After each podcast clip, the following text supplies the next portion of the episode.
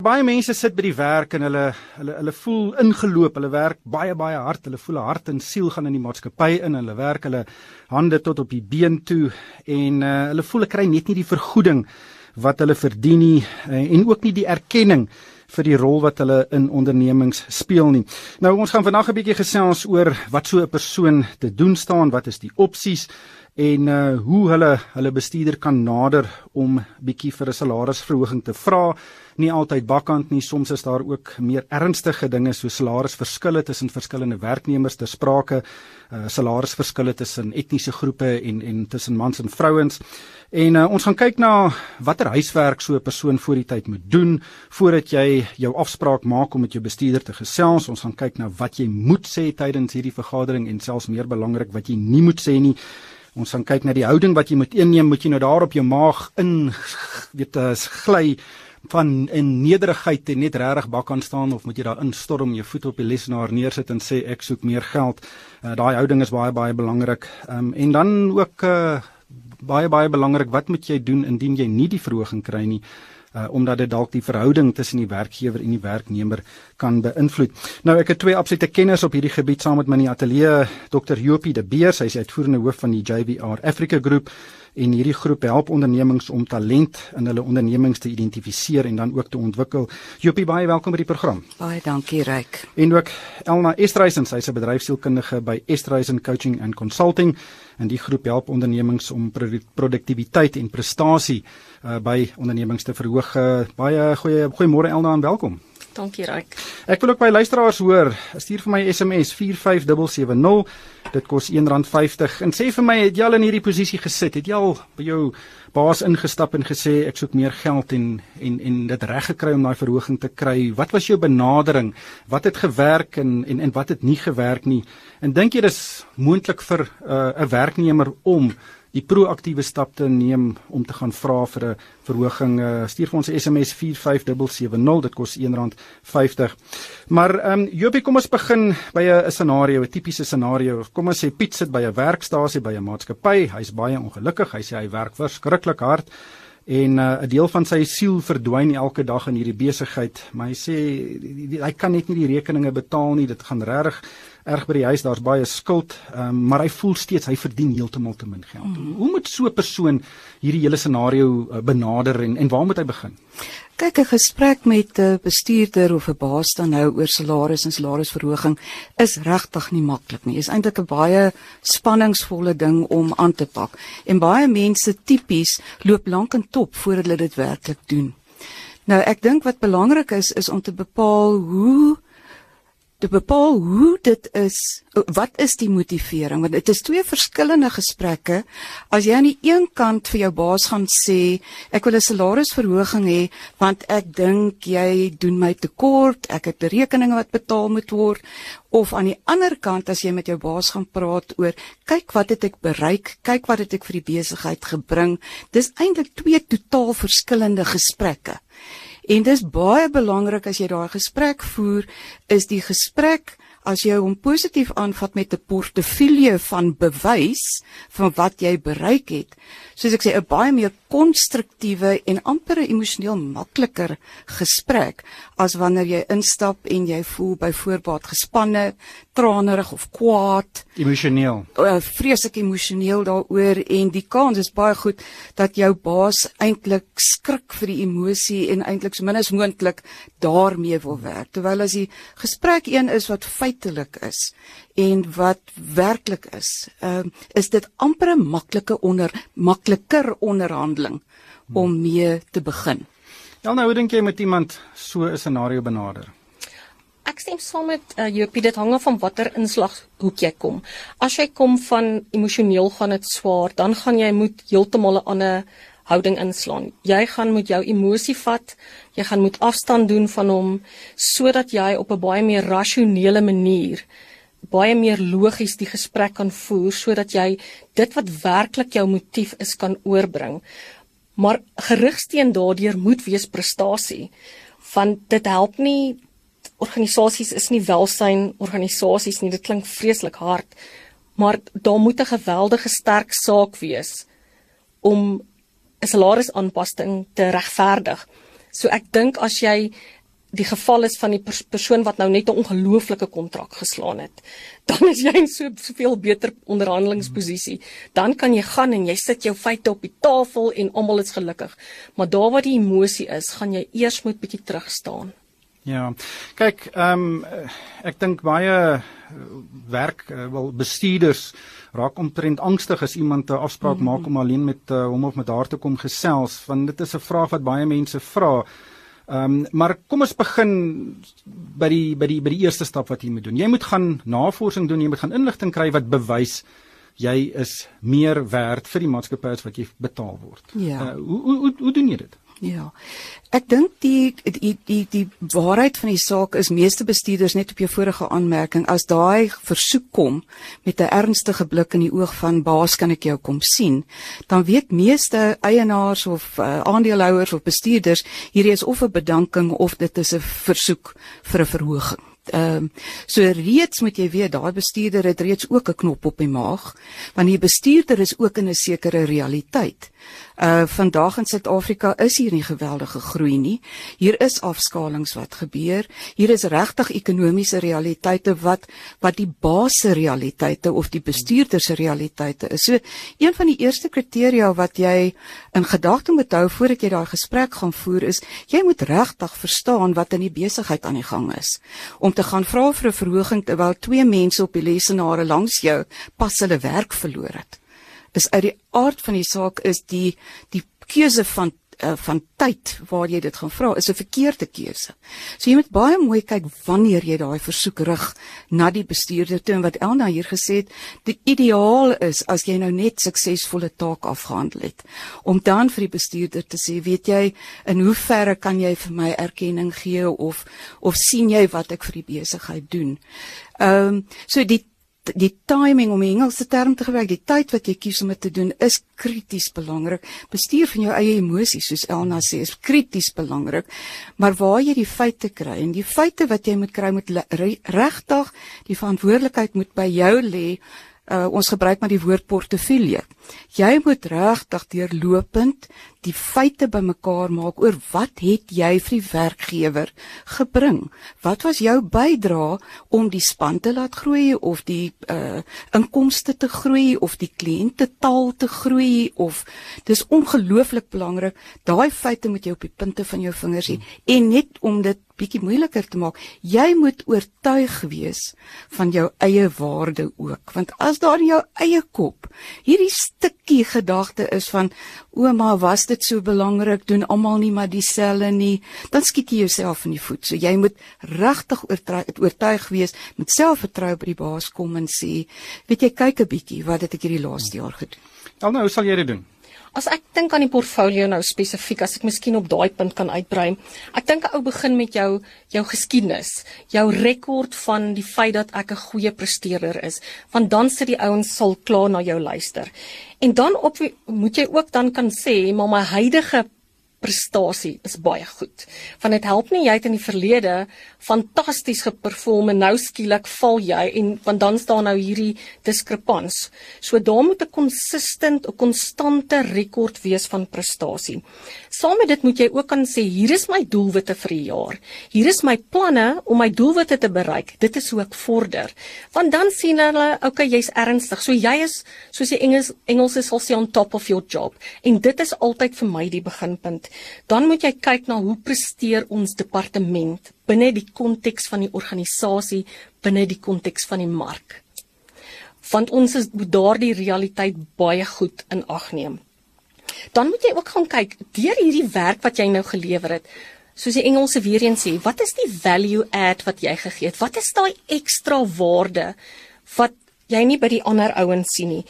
is jy dalk in 'n pos met kritiese waar jy kritiese uh, vaardighede het en is jou vaardighede so goed ontwikkel en verfyn dat hulle eintlik nie sonder jou kan gaan nie. Waar het jy uitgereik na jou spanlede? Waar het jy jou span sterker gemaak, maar nog meer? Waar het jy in die organisasie gaan sê klop in die deur, "Hey, ek wil hierso help. Ek wil by hierdie projek betrokke raak." Want dit is die ouens vir wie hulle sal terugstaan en sê, "Wow, take note. Hierdie persoon is 'n presteerder en hulle gaan above and beyond. Hmm.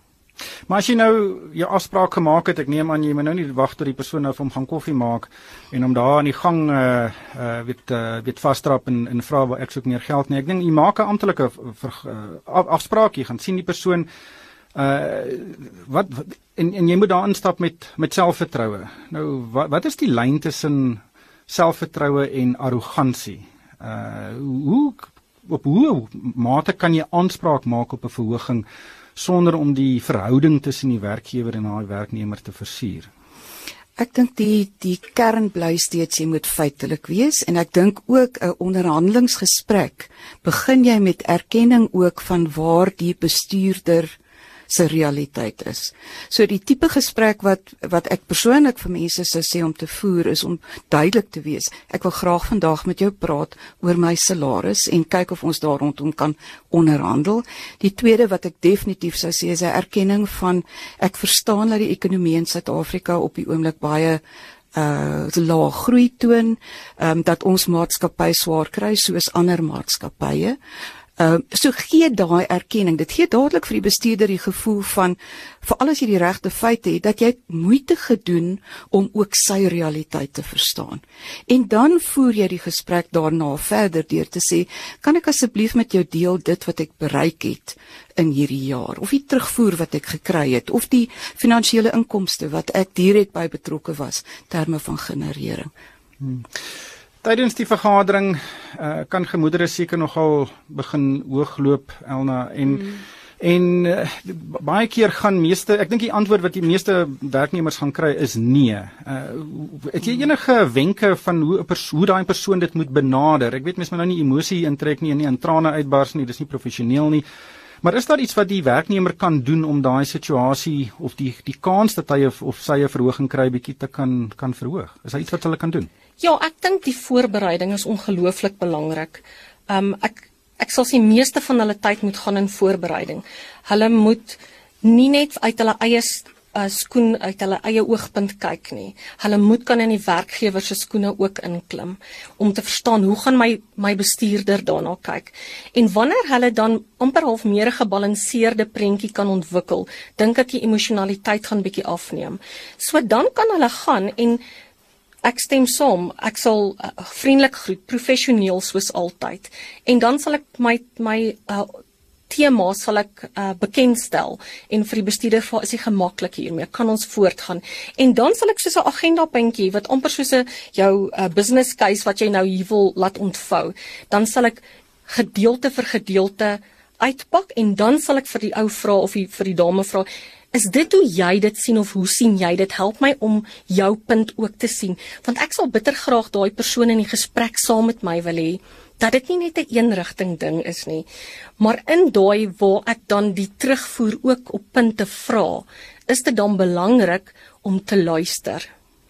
Want ek kan nie net in daardie gesprek gaan en push, push, push, druk, druk, druk en daai ou moet luister nie, want dit gaan hom nou mos suur maak.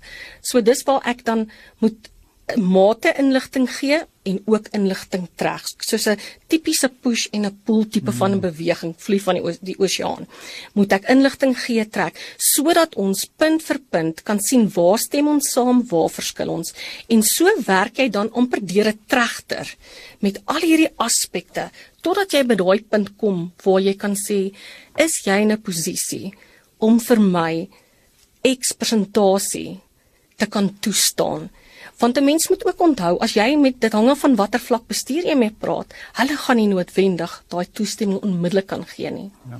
Maar Jopie, dis nie altyd in die diskresie van die bestuurder om 'n uh, verhoging toe te staan of nie. Baie keer is daar 'n geval van iemand wat werklik hard werk uh, en dan vind hy of sy uit uh, hulle kry minder as die persoon wat langs hulle sit wat minder doen as wat hulle is nie naaste my so hard werk nie. So dat daar so 'n onregverdigheids element hier te sprake. Nou storm jy by die persoon se kantoor in en sê ek soek uh, dieselfde geld as wat my kollega kry wat minder as ek doen en onmiddellik is daar konflik. Uh, hoe hoe moet jy daai situasie benader uit 'n werknemers se perspektief? Ek dink ek gaan begin deur vir jou te sê, weet jy, Ryk, ek dink mense moet verstaan dat jou salaris is 'n besigheidsbeginsel. So jy moet eintlik kyk en ek sê dit veral vir vroue, let op na jou intree salaris. Ehm um, ook minderheidsgroepe let op na jou intree salaris want dit is regtig nogal belangrik waar jy begin. So jy mag gereelde verhogings gehad het maar op 'n laer intree salaris en jy is steeds agter waar ander mense is. So jy moet eintlik van die dag wat jy aangestel word seker maak uit die aard van die saak moet nou nie moet nou nie 10 miljard rand per jaar vra. Wees realisties in wat jy vra. Ook daarmee jy navorsing gedoen het wat tipies kry 'n persoon met my kwalifikasies en ervaring vir daardie tipe posisie waar ek intree? So van daar af het jy regtig waar 'n uh, verantwoordelikheid en dis nie iets wat emosioneel behoort te wees nie. Dis 'n besigheidsbeginsel.